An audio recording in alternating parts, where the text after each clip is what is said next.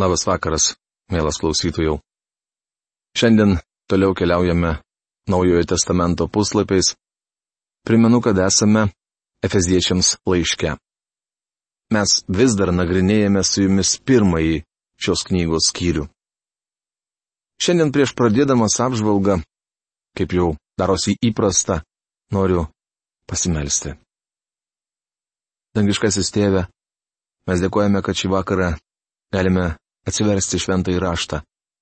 Galime išgirsti viešpatė tai, ką tu nori pranešti šiandien mums.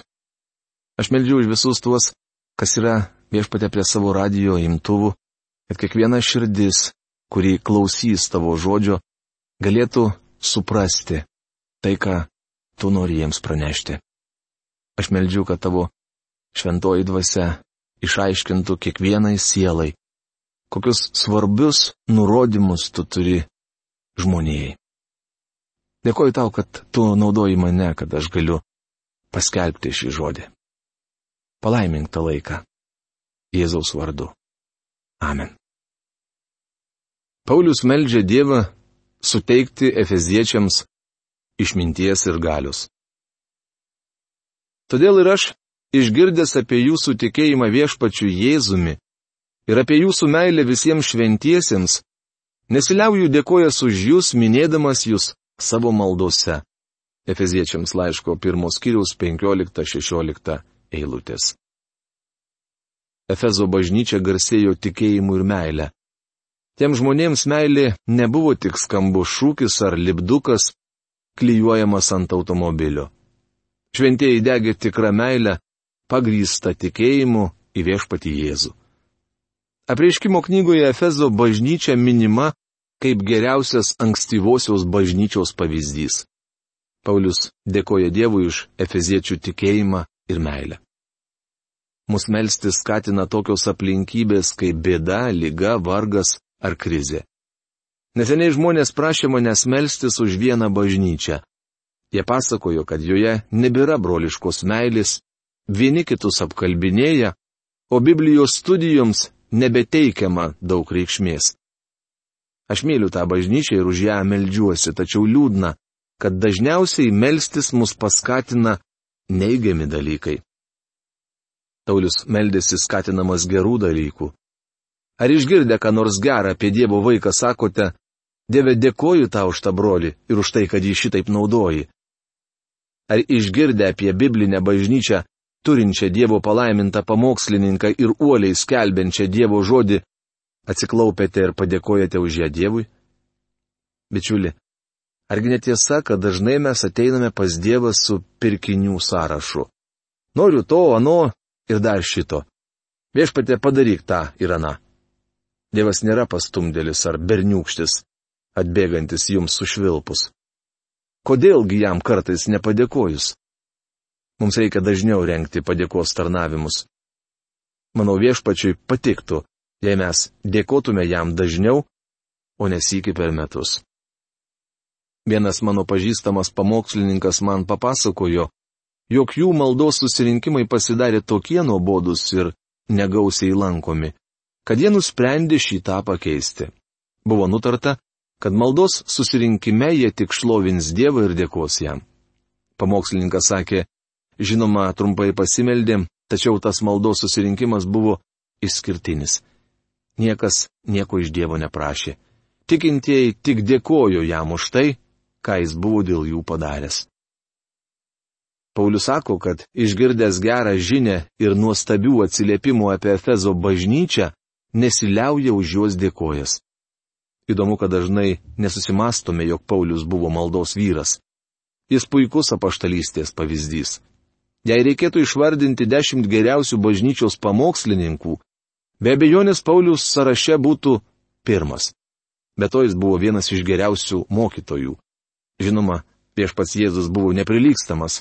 Jo mokymo klausę žmonės sakė, niekada žmogus nėra taip kalbėjęs. Tai prašoma Jono Evangelijos 7 skyriaus 46 eilutėje. Paulius sekė Jėzaus pėdomis. Apaštalas Paulius taip pat yra puikus gero pastoriaus pavyzdys. Ano daktaro Luko, atsisveikindamas su Efezų tikinčiaisiais, jis verkė. Paulius mylėjo efeziečius, o efeziečiai mylėjo jį. Apie dvasinį bažnyčios gyvenimą aš visuomet sprendžiu pagal tai, kaip jos nariai myli savo pastorių. Žinoma, jei šis yra Dievo žodžio skelbėjas. Pagal tai galima gana tiksliai įvertinti žmonių nusistatymą. Šiandien apie žmogų turime spręsti iš to, kaip jis žiūri į Dievo žodį, o ne pagal tai, kokio dydžio Bibliją jis nešiojasi po pažastimi. Efeziečiai mylėjo ne tik Paulių, bet ir Dievo žodį. Paulius pasižymėjo visose tarnavimo srityse. Ar pasakytumėt, kad jis buvo didis maldo žmogus? Iš Senojo testamento žinome, kad Mozė meldėsi už Dievo tautą kalno viršūnėje. Prisimename ir Davido maldas psalmėse, ir kaip jis išpažino savo baisę nuodėmę. Mums prieš akis iškyla Elijas, vienui vienas stovintis ant Karmelio kalno prie permirkusio aukuro. Dar paminėtume Danielių, kuris meldėsi atvėręs langą į Jeruzalės pusę, nors gyveno svetimame krašte tarp priešiškai nusiteikusių žmonių. Viešpats Jėzus taip pat daug meldėsi. Mokiniai prašė jį, viešpatie išmokyk mus melstis. Tai prašoma Luko Evangelijos 11 skyriaus pirmoje eilutėje. Ar žinote, kad Paulius taip pat buvo didis maldos vyras? Kuomet dirbau dėstytojų Los Andželo Biblijos institute, Paprašydavau savo studentų, kad studijuodami Pauliaus laiškus sudarytų jo maldų sąrašą. Jie turėjo pasižymėti kiekvieną vietą, kur apaštalas sakė, jog už ką nors meldžiasi.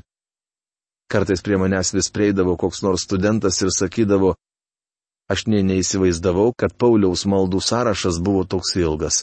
Nežinojau, kad jis meldėsi už tiek daug žmonių. Paulius buvo didis maldos vyras. Šiame laiške yra dvi Pauliaus maldos. Dabar nagrinėjame pirmąją. Apibūdinas Izraelio vaikus kaip Kristaus kūną, apaštalas klaupėsi ant kelių ir ima melstis. Antrąją maldą skaitysime trečios skyriaus pabaigoje. Šios dvi maldos užrašytos laiške Efeziečiams rodo, kad Pauliui kaip Dievo vaikui rūpėjo kiti tikintieji. Ar žmogus yra Dievo vaikas ar negalima spręsti iš jo maldos gyvenimo, kiek jis jaučiasi priklausomas nuo Dievo. Jei Dievo vaikas turi poreikį, jis kreipsis į Dievą maldoje už save. Taip pat užtars maldoje ir kitus. Daugelis žmonių, kuriuos man teko sutikti Amerikoje ir kitose šalise, man sakė, aš prisimenu jūs maldose. Kągi, man tai liudyja apie jų tikėjimą. Prisiminkite, kad Damaske gyvenęs Ananijas sutriko, kai angelas liepė jam aplankyti Saulių iš Tarso. Jis nenorėjo to daryti, nes Saulis buvo uolus bažnyčiaus persikiotojas. Tačiau angelas tarė jam. Štai jisai meldžiasi, tai prašoma paštalų darbų knygos 9 skyriaus 11 eilutėje. Ananijui tai buvo įrodymas, kad Sauliui iš Tarso kažkas atsitiko. Nesiliauju dėkojas už jūs. Visų pirma, Paulius dėkojo Dievui už efeziečius. Jie, manau, kad kaip ir visos kitos bažnyčios, buvo įtraukti į apaštalo maldos sąrašą. Minėdamas jūs savo maldose, tai reiškia, kad visus jos Paulius minėjo vardais. Siki buvau su vienu žymiu pamokslininku, kai prie jo priejo keli žmonės norėdami paspausti jam ranką ir persimesti keliais žodžiais. Vienas vyras jam pasakė, aš melžiuosi už jūs, Niekuomet neužmiršiu, ko jį paklausė pamokslininkas. Esu jums labai dėkingas, bet ar minite mane vardu?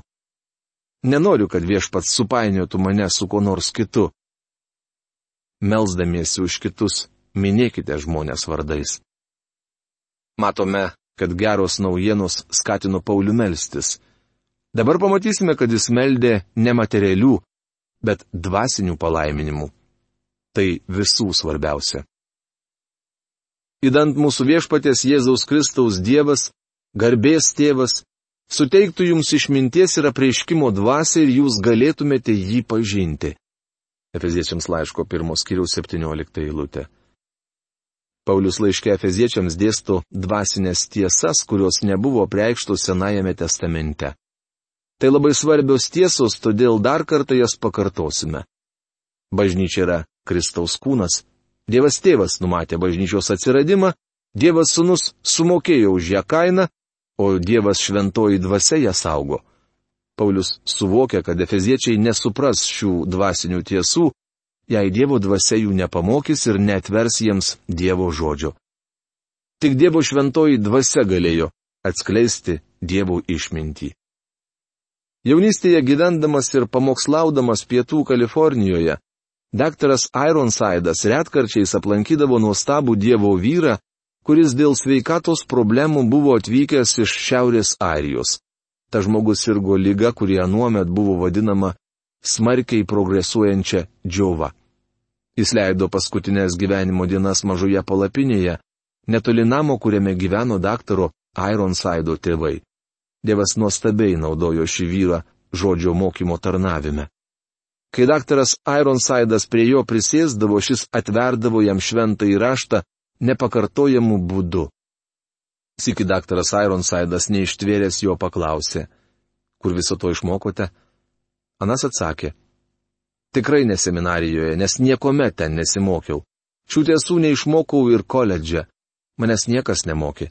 Šių tiesų išmokau klupodamas ant purvinų grindų mažoje šiaurės Airijos pirkelėje. Tenai pasidėjęs prieš save atverstą Bibliją valandų valandas klupodavau prašydamas, kad Dievo dvasia preikštų man Kristų ir Dievo žodį. Klupodamas ant purvinų grindų, išmokau daugiau negu būčiau sužinojęs bet kuriame pasaulio koledže ar seminarijoje. Gerai ir mums, draugai, pamastyti apie tai, kiek mes laiko praleidžiame ant kelių savo kambarėlyje, kad galėtume išgirsti tai, ką Dievas nori padaryti mūsų gyvenime. Kadangi asmeniškai pažinojau daktarą Ironsidą, galiu pasakyti, kad jis savo tarnavime taip pat buvo priklausomas nuo šventosios dvasios.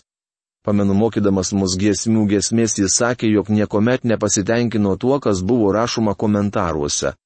Klupėdamas ant kelių daktaras Ironsidas prašė Dievą atskleisti jam šios knygos prasme. Jis parašė giesmių giesmės komentarus ir atvirai pasakius, Tai vienintelis aiškinimas, kuris man priimtinas.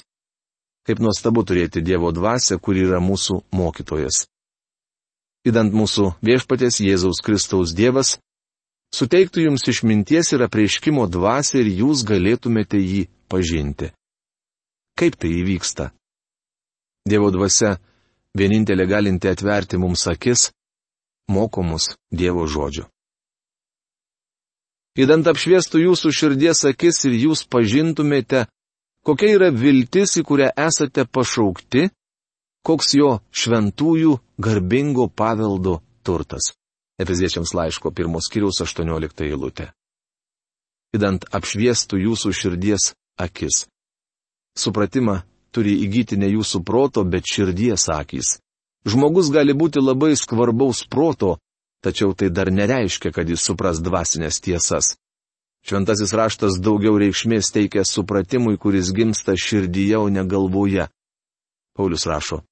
Jeigu lūpomis išpažinsi viešpati Jėzų ir širdimi tikėsi, kad Dievas jį prikėlė iš numirusių, būsi išgelbėtas. Širdimi priimtas tikėjimas veda į teisumą, o lūpomis išpažintas į išganimą. Įsiklausykite iš tuos žodžius. Jie užrašyti romiečiams laiško 10 skyriaus 90 eilutėse. Apie muziką aš neturiu nemenkiausio supratimo. Nemoku gėdoti ir vinguriuoti melodijos. Galiu atpažinti vos kelias melodijas ir nežinau, kas yra garso aukštis. Siki vienas dirigentas viešai pareiškė, kad gali išmokyti gėdoti kiekvieną. Aš tučto jau atsistojau ir tariau, brolau, tu jau turi mokinį. Manęs dar niekam nepavyko išmokyti gėdoti. Visi susirinkusieji ėmė juoktis ir mes sutarėme, kad jis mane mokys. Susitikinėjau su to žmogumi kokį mėnesį kiekvieno ketvirtadienio popietę, kol galiausiai dirigentas pasidavė. Atrodo, jūs teisus. Esate beviltiškas. Aš paklausiau, tai kaip man išmokti gėdoti, jis tarė. Vienintelis būdas gimti iš naujo. Dirigentas turėjo omenyje nedvasinį gimimą iš naujo, bet tai, kad man reikėjo gimti kitų žmogumi, Bičiuli, dvasinis pažinimas neįgyjamas be Dievo dvasios. Pirmo laiško korintiečiams antros kiriaus 90 eilutėse mums sakoma, bet skelbėme, kaip parašyta, ko akis neregėjo, ko ausis negirdėjo, ką žmogų įminti netėjo, Tai paruošė Dievas tiems, kurie jį myli. Dievas mums tai apreiškia per dvasę, nes dvasia visai ištiria net Dievo gelmes. Kalbama apie Dievo dvasę. Pažinojau Šermane, Teksaso valstijoje gyvenusią ponę. Ji nemokėjo nei skaityti, nei rašyti, bet buvo iš tiesų nuostabi. Mes vadindavome ją močiute. Buvau pirmakursis seminarijos studentas ir maniau žinas visus atsakymus, tad nuėjau jos aplankyti. Visų pirma, pabandžiau išaiškinti jai Jono Evangelijos 14 skyrių. Galvojau, išdėstysiu mačiutę jį paprastai ir aiškiai. Pasiklausiusi manęs kokias penkias minutės jį paklausė. Jaunoli, ar kada pastebėjote tai šiame skyriuje? Ir tuomet paminėjo kažką iš šios šventojo rašto ištraukos. Atvirai pasakius, nebuvau to pastebėjęs. Niekaip nesupratau, kaip ji gali turėti tokią išvalgą, nemokėdama nei skaityti, nei rašyti. Mačiutė žinojo tai, ko aš nesugebėjau rasti net komentaruose. Iš kur? Dievo dvasia atvėrė jai širdies akis. Dievo dvasia nori mus mokyti. Viena iš priežasčių, kodėl Dievo žmonės neskaito Dievo žodžio, yra ta, kad jie nenori būti mokomi šventosios dvasios. Jie verčiau pasikliauja varganų pamokslininkų kaip aš ar Biblijos pamokomis. Tai nėra blogai, bet kodėl mano draugė krikščionį nesileidžiate mokomi Dievo dvasios? Skaitykite šventą įraštą. Galbūt kuri nors Biblijos vieta jums pasirodys beprasme, Jei nesuprantate kurios nors pastraipos, nors esate skaitę ją daug kartų, ir ji jums atrodo neaktuali, pulkite ant kelių prieš viešpatį ir sakykite jam, aš nesuprantu esmės, todėl pamokyk mane. Ir aš taip darau. Viešpats moko mane, tad esu tikras, pamokys ir jūs. Įdant, jūs pažintumėte, kokia yra viltis, į kurią esate pašaukti, koks jo šventųjų garbingo paveldo turtas. Mes jau sužinojome, jog turime paveldą viešpatyje. Taip pat sužinosime, kad jis turi paveldą mumyse. Manau, tai gerai iliustruoja Kanano kraštas. Jis priklausė Dievui, tačiau Dievas atidavė kraštą Izraelio vaikams kaip jų nuosavybę. Izraelio vaikai neatsiejami nuo to krašto. Tačiau vieną dieną Dievas ims valdyti visą šią visatą ir atsijims Izraelį bei jų kraštą. Šiandien mes su jumis kaip tikintieji esame jo bažnyčia ir Dievas veikia per mus. Tačiau artėja metas, kai mes valdysime, karaliausime su juo. Jis laikys mus savo paveldu. Aš maščiau apie tai, tačiau šis rytis per plati, kad apriepčiau ją savo protu. Reikia, kad Dievo dvasia suteiktų man išvalgos. Toliau Paulius maldauja. Ir kokia nepalyginama jo galybės didybė mums, tikintiesiems, veikiant jo neribotai jėgai. Efeziečiams laiško pirmos kiriaus 19 eilutė. Leiskite išplėsti šią eilutę. Kokia nepalyginama, smarki, intensyvi, jo galybės graikų kalboje dunameus dinamito gale. Didybė mums, tikintiesiems, veikiant graikų kalboje energijan, sužadinant, paduodant energiją jo neribotai jėgai kokia ta dinamito gale - energija paduodanti jėga. Jei jis prižadino Kristų iš numirusių ir pasodino danguose savo dešinėje. Efeziečiams laiško pirmos kiriaus 20 eilutė. Šios galios pakako, kad Kristus būtų prikeltas iš numirusių. Tai milžiniška gale. Ji ne tik prikėlė Kristų, bet ir pasodino į Dievo tėvo dešinėje. Vadinasi, tai ne tik prisikėlimo, bet ir pakelimo į dangų gale. Šiandien biblinėse bažnyčiose nedaug kalbama apie Kristaus pakelimą į dangų. Mes akcentuojame Kalėdas ir Velykas, tačiau užmirštame, kas įvyko po to. Ar kada susimastėte apie galę, kurią Kristus buvo sugražintas į savo vietą Dievo tėvo dešinėje? Bičiuli, tai gale, kuri pamažu ima mums atsiskleisti. Pagalvokite, kokios galios Reikia, kad raketa atsiplėštų nuo žemės ir pakiltų į atvirą erdvę.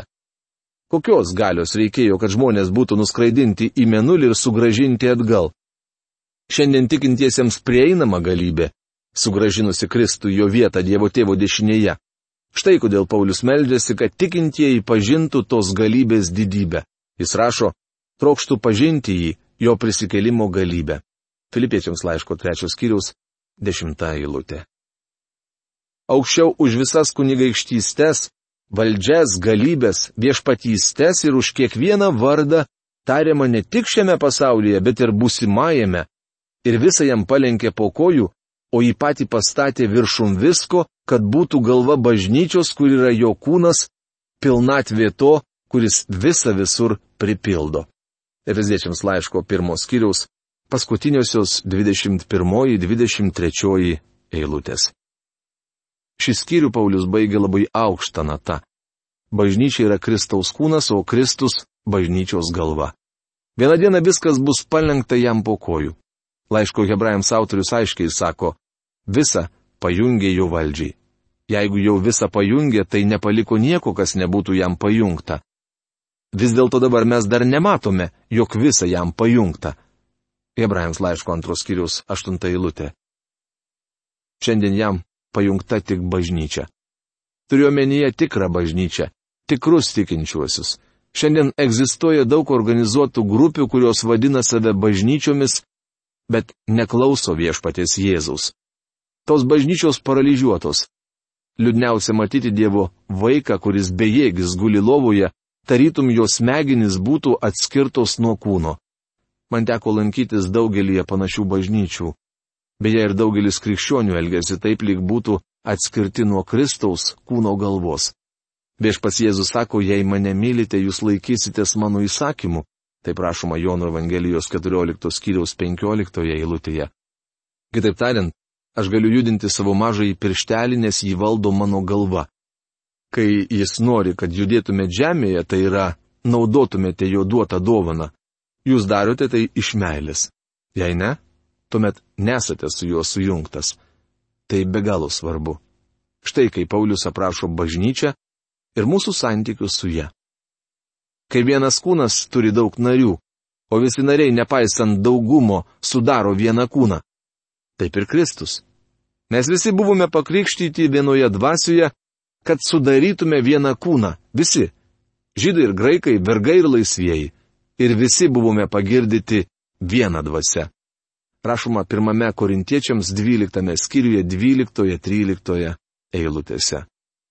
Mums reikia suprasti, kad Kristus yra kūno, savo bažnyčiaus galva. Mes pajungti jam.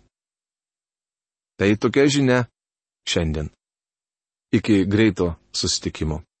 Sudė.